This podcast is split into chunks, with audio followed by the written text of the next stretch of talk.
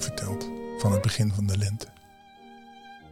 Maar we gaan eerst, voordat we het verder gaan vertellen, nog even kijken naar een sprookje. Nee, een grapje. Twee mussen zitten op een tak en er komt een straaljager voorbij. Zegt de ene mus tegen de ander: Zo, die maakt veel lawaai. Zegt de ander: Wat zou jij doen als je staart in de brand staat?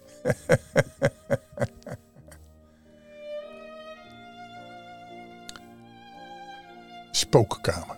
Een Nederlander, een Amerikaan en een Duitser gaan naar een hotel. Alle kamers zijn bezet, behalve kamer 13. En het getal 13 is een ongeluksgetal. Ze zeggen dat het er spookt, zegt de receptionist. Maar het drietal durft het wel aan. Dan horen ze midden in de nacht een stemmetje dat zegt: Ik pak je, ik heb je en ik eet je op. En de Amerikaan rent gillend de kamer uit. De Duitser en de Nederlander blijven liggen, maar horen even later weer: Ik pak je, ik heb je en ik eet je op. En nu wordt toch ook de Duitser bang. En hij rent ook naar buiten. En de Nederlander besluit op onderzoek uit te gaan. En hij ontdekt waar het geluid vandaan komt. Uit de kast. Hij opent de kast en ziet daar een kaboutertje zitten die in zijn neus speutert. En zegt, ik pak je, ik heb je en ik eet je op. Dat was een drommel uit de neus van onze kabouter. Nou, gisteren, we gaan weer verder met ons verhaaltje. Gisteren hadden we een verhaal over de lente. Nou, eigenlijk begon het in de winter. Het was het nieuwe jaar. Dus ze vertelde het jaar. Maar de mussen die waren heel ontevreden. Want, die, want het nieuwe jaar begon met heel veel kou. En toen gingen ze naar het platteland. Om te kijken of het daar beter was. Maar daar was het net zo koud. En daar zagen ze op de heuvel, op de sneeuw, een oude witte man zitten. En dat was de winter. En toen kwam de lente eraan. De lente begon met twee ooievaars die kinderen meenamen. En toen kwam het allemaal. Nou, we gaan het eventjes verder lezen. Want het was prachtig om te zien. Menig oud moedertje kwam in haar deur staan, in de zon, en rilde even. Ze keken naar de gele bloemen die op het weiland prijkten. Net als in haar jonge jaren. De wereld werd weer jong en blij. Wat is het vandaag heerlijk buiten, zei ze. Het bos was nog bruin-groen, knop aan knop. Maar het lieve vrouwenbedstro was uitgekomen. Heel fris en geurig. Er waren viooltjes bij de, bij de vleet, anemoontjes, primula's en sleutelbloemen. En in ieder grasprietje zat kracht. Het was echt een prachtig tapijt om op te zitten. En daar zat het jonge paar. Want het jonge paar was het nieuwe leven. Dat was de lente. Het jonge paar van de lente. Ze hadden, elkaar hand, ze hadden elkaars hand vast. Ze zongen en ze lachten. En ze groeiden steeds meer. Er viel een zacht regentje uit de hemel. Ze merkte het niet. De regendruppels en de tranen van vreugde werden één. Ze werden bruid en bruidegom. Ze kusten elkaar en op dat moment ontsprong het bos. Toen de zon opkwam, waren alle bossen groen. Hand in hand liep het bruidspaar. Onder de fris afhangende takken van de bladeren, waar alleen de stralen van de zon en de slagschaduwen afwisseling gaven in het groen. De fijne blaadjes bezaten een maagdelijke zuiverheid en een verfrissende geur. Helder en levendig ruiste de rivier en de beek tussen de fluweel groene biezen en over de veelkleurige stenen. Eeuwig en altijd is het en blijft het, zei de hele natuur. En de koekoek zong en de leeuwerik sloeg. Het was de heerlijke lente. Maar de wilgen hadden hun bloemen nog wat wanten aangedaan. Die waren zo ijselijk voorzichtig. En dat is vervelend. Zo gingen er dagen en weken voorbij. De warmte sloeg als het ware neer. Golven van hete lucht gingen door het koren. En, en dat koren werd steeds geler. De witte lotus van het noorden op de bosvennen spreidde haar grote groene bladeren uit over de waterspiegel. En de vissen zochten daar beschutting onder. En in de luwte van het bos, waar de zon op het boerenhuisje brandde en de uitgekomen rozen stoven, waar de kersenbomen vol hingen met sappige, zwarte, bijna zonwarme vruchten, zat de mooie vrouw van de zomer. Zij was de zomer. Dezelfde die we als kind en als bruid hadden gezien in de lente. En ze keek naar de opstijgende donkere wolken die zich als golven, als bergen, donkerblauw zwaar, steeds hoger verhieven. Ze kwam van drie kanten. Als een versteende omgekeerde zee zonken ze steeds dieper in het bos. Waar alles als door toverkracht verstilde. Iedere zuchtwind was gaan liggen. Iedere vogel zweef, zweeg. Er was ernst en verwachting in de, in de natuur. Maar op de wegen en de paden haasten mensen zich in rijtuigen, te paard en te voet, om onder dak te komen. Want toen kwam er ineens een licht, alsof de zon doorbrak, glanzend, verblindend en alles verzengend. En meteen daarop een rollende donderslag. Het was dus de bliksem. En het werd weer donker. Het water stortte in stromen naar beneden. Het werd nat. Het werd nacht. En het werd weer dag. Er was stilte en er was geraas. De jonge rietstengels in het veen bewogen. Hun bruine pluimen in lange golven. De takken in het bos waren in nevels van water gehuld. Duisternis kwam en ging. Stilte kwam en ging. Gras en koren lagen neergeslagen, als weggespoeld door de storm en de regen. Alsof ze nooit meer overeind zouden komen. Maar opeens viel de regen weer in afzonderlijke regendruppels en de zon ging schijnen. En op strootjes en blaadjes glansden waterdruppels als parels. De vogels zongen, de vissen sprongen op uit het rivierwater, de muggen dansten en op de rots in het zoute schuimende zeewater zat de zomer zelf. Een krachtig gebouwde man, met gespierde ledematen, met drijfnatte haren, verjonkt door het verfrissende bad, zat hij in de warme zon. De hele natuur om hem heen was verjonkt. Alles stond er wilderig, krachtig en mooi bij. Het was zomer. Heerlijke, warme zomer. Liefelijk en zoet was de geur die opsteeg uit, de wild, uit het wilderige klaverveld. De bijen zoenden om de oude plaats, waar vroeger recht werd gesproken. De braamranken slingerden zich rond de altaarsteen, die gewassen door de regen in het zonlicht glansde. Daar vloog de bijenkoningin met haar zwerm naartoe. Daar verborgen ze zich en hun honing. Niemand zag het. Alleen de zomer en zijn sterke vrouw zagen het. Voor hem was het altaartafel gedekt met de offergaven van de natuur. De avondhemel straalde als goud. Geen kerkkoepel is zo kostbaar. En de maan scheen door avondrood en morgenrood. Het was zomer, er gingen dagen en weken voorbij. Iedereen genoot. De glimmende seizen van de maaiers blonken in de korenvelden.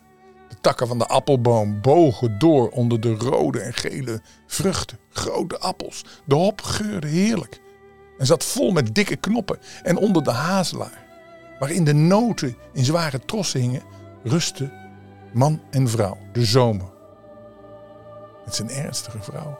Wat een rijkdom zij is. Overal zegen, huiselijkheid en goedheid. Maar toch, ik weet het niet. Ik verlang naar rust, kalmte. Ik weet er zelfs het goede woord niet voor. Ze ploegen alweer op het veld. De mensen willen steeds meer. Kijk, de ooievaars vliegen in troepen op een afstand achter de ploegen aan. De vogels uit Egypte, want ooievaars komen uit Egypte, die ons op een rug hebben meegebracht. Weet je nog hoe wij als kinderen in de landen van het noorden aankwamen op de rug van de ooievaar? Bloemen hadden we meegebracht, rijke zonneschijn en groene bossen. Daar is de wind nu niet zo aardig voor geweest. Ze worden weer bruin en donker. Net als de bomen in het zuiden. Maar ze hebben geen gouden vruchten zoals de bomen in het zuiden. Die krijg je ook te zien, zei de, zei zomer. Verheug je er maar vast op. En hij hief zijn armen op en de bladeren van het bos werden rood en goud gekleurd. Alle bossen vertoonden een kleurenpracht. De rozenhaag glansde van de vuurrode rozenbottels.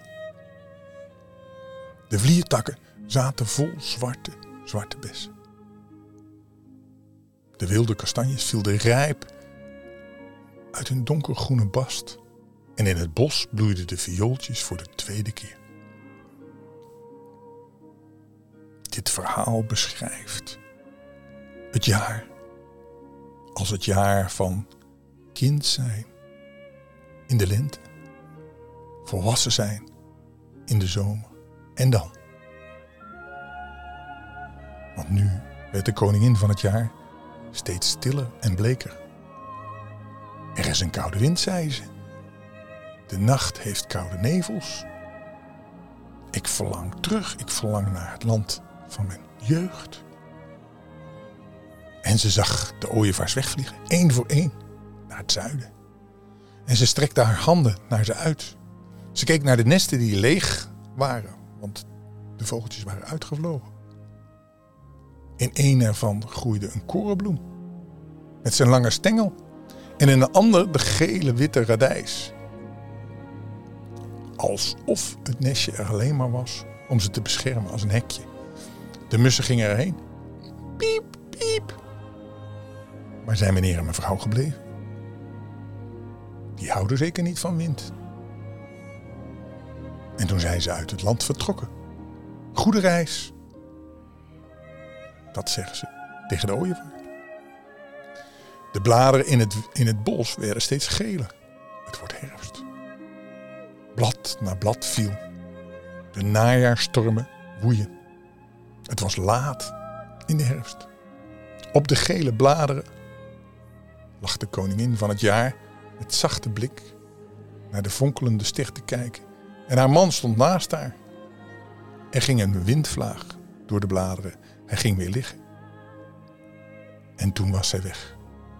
Maar er vloog een vlinder, de laatste van het jaar, door de koude lucht. De vochtige nevels kwamen eraan, de ijzige wind en de donkere, lange nachten.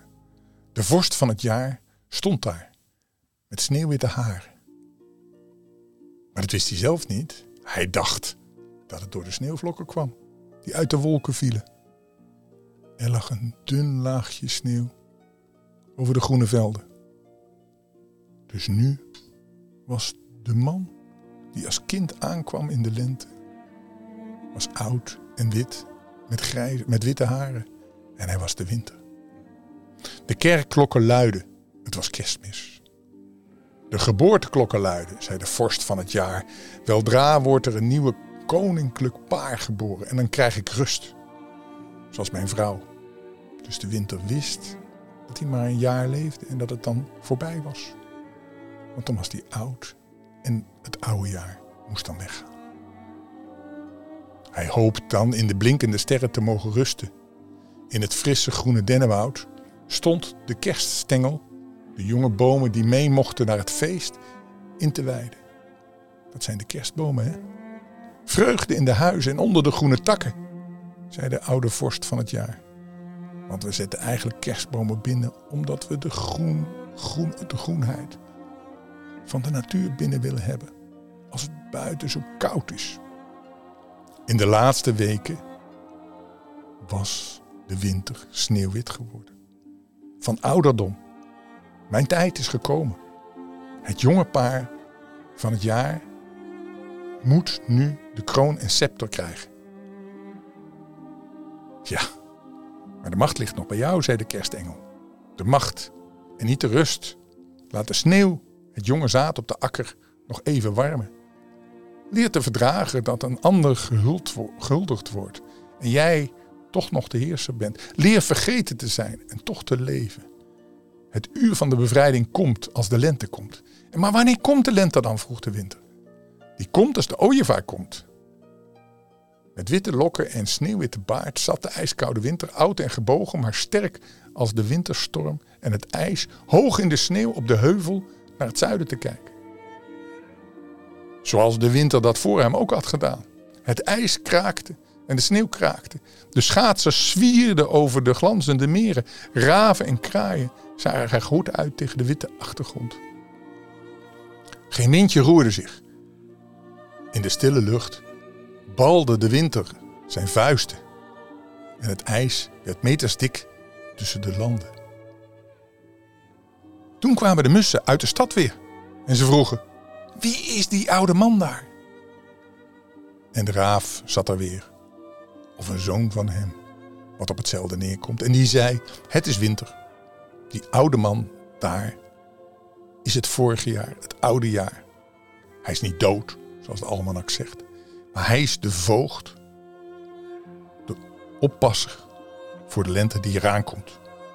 En wanneer komt die lente dan? vroegen de mus. Want dan krijgen we een betere tijd, dan krijgen we een betere regering, dan, krijgt, dan wordt het beter. In gedachten verzonken knikte de winter naar het zwarte bos zonder bladeren, waar iedere boom een mooie vorm heeft en de kromming van zijn takken heel goed laat zien in de winter. En tijdens de winterslaap zongen de ijzer, eh, zonken de ijzige nevels uit de wolken. De vorst droomde van zijn jeugd en van zijn volwassen jaren. En in de dageraad was het hele bos mooi van de rijp. Wit. Dat was de zomerdroom van de winter. De zon liet de rijm weer van de takken vallen. Wanneer komt nou de lente? vroeg de mus. De lente klonk het als een echo van de heuvels waar de sneeuw lag. De zon scheen nu weer warmer. De sneeuw smolt. De vogels kwetterden. Het wordt lente. Hoog door de lucht kwamen de eerste ooievaars aanvliegen. Gevolgd door de tweede. En ze hadden een lief kindje op hun rug. En ze daalden neer op het open veld. Ze kusten de grond en ze kusten de oude, zwijgzame man. En de oude, zwijgzame man verdween. Als Mozes op de berg, gedragen door de mist. Dat is het verhaal van het jaar. Het gaat rond, het cirkelt. De oude man is weer weg. De kinderen zijn er weer. En ze worden weer groot, ze worden weer de lente. Iedereen is blij. Iedereen is jong, want het wordt weer lente. Heel juist, zei de mus. En het is ook heel mooi. Maar het gaat niet volgens de almanak. Het gaat volgens de natuur. Eigenlijk is dit het verhaal waarin de mussen, de vogels, bespreken hoe het jaar rond de natuur verloopt. En dat het niet zo is zoals de mensenwereld, die zo nodig zeggen dat het op één jaar het nieuwe jaar is. Nee, dat is als de lente komt. En we weten niet wanneer de lente komt, want die komt pas als de ooievaar komt. Nou, dat is een mooi verhaal. Gaan lekker slapen. Wel trusten. Ik hou van je. Tot morgen. Dag.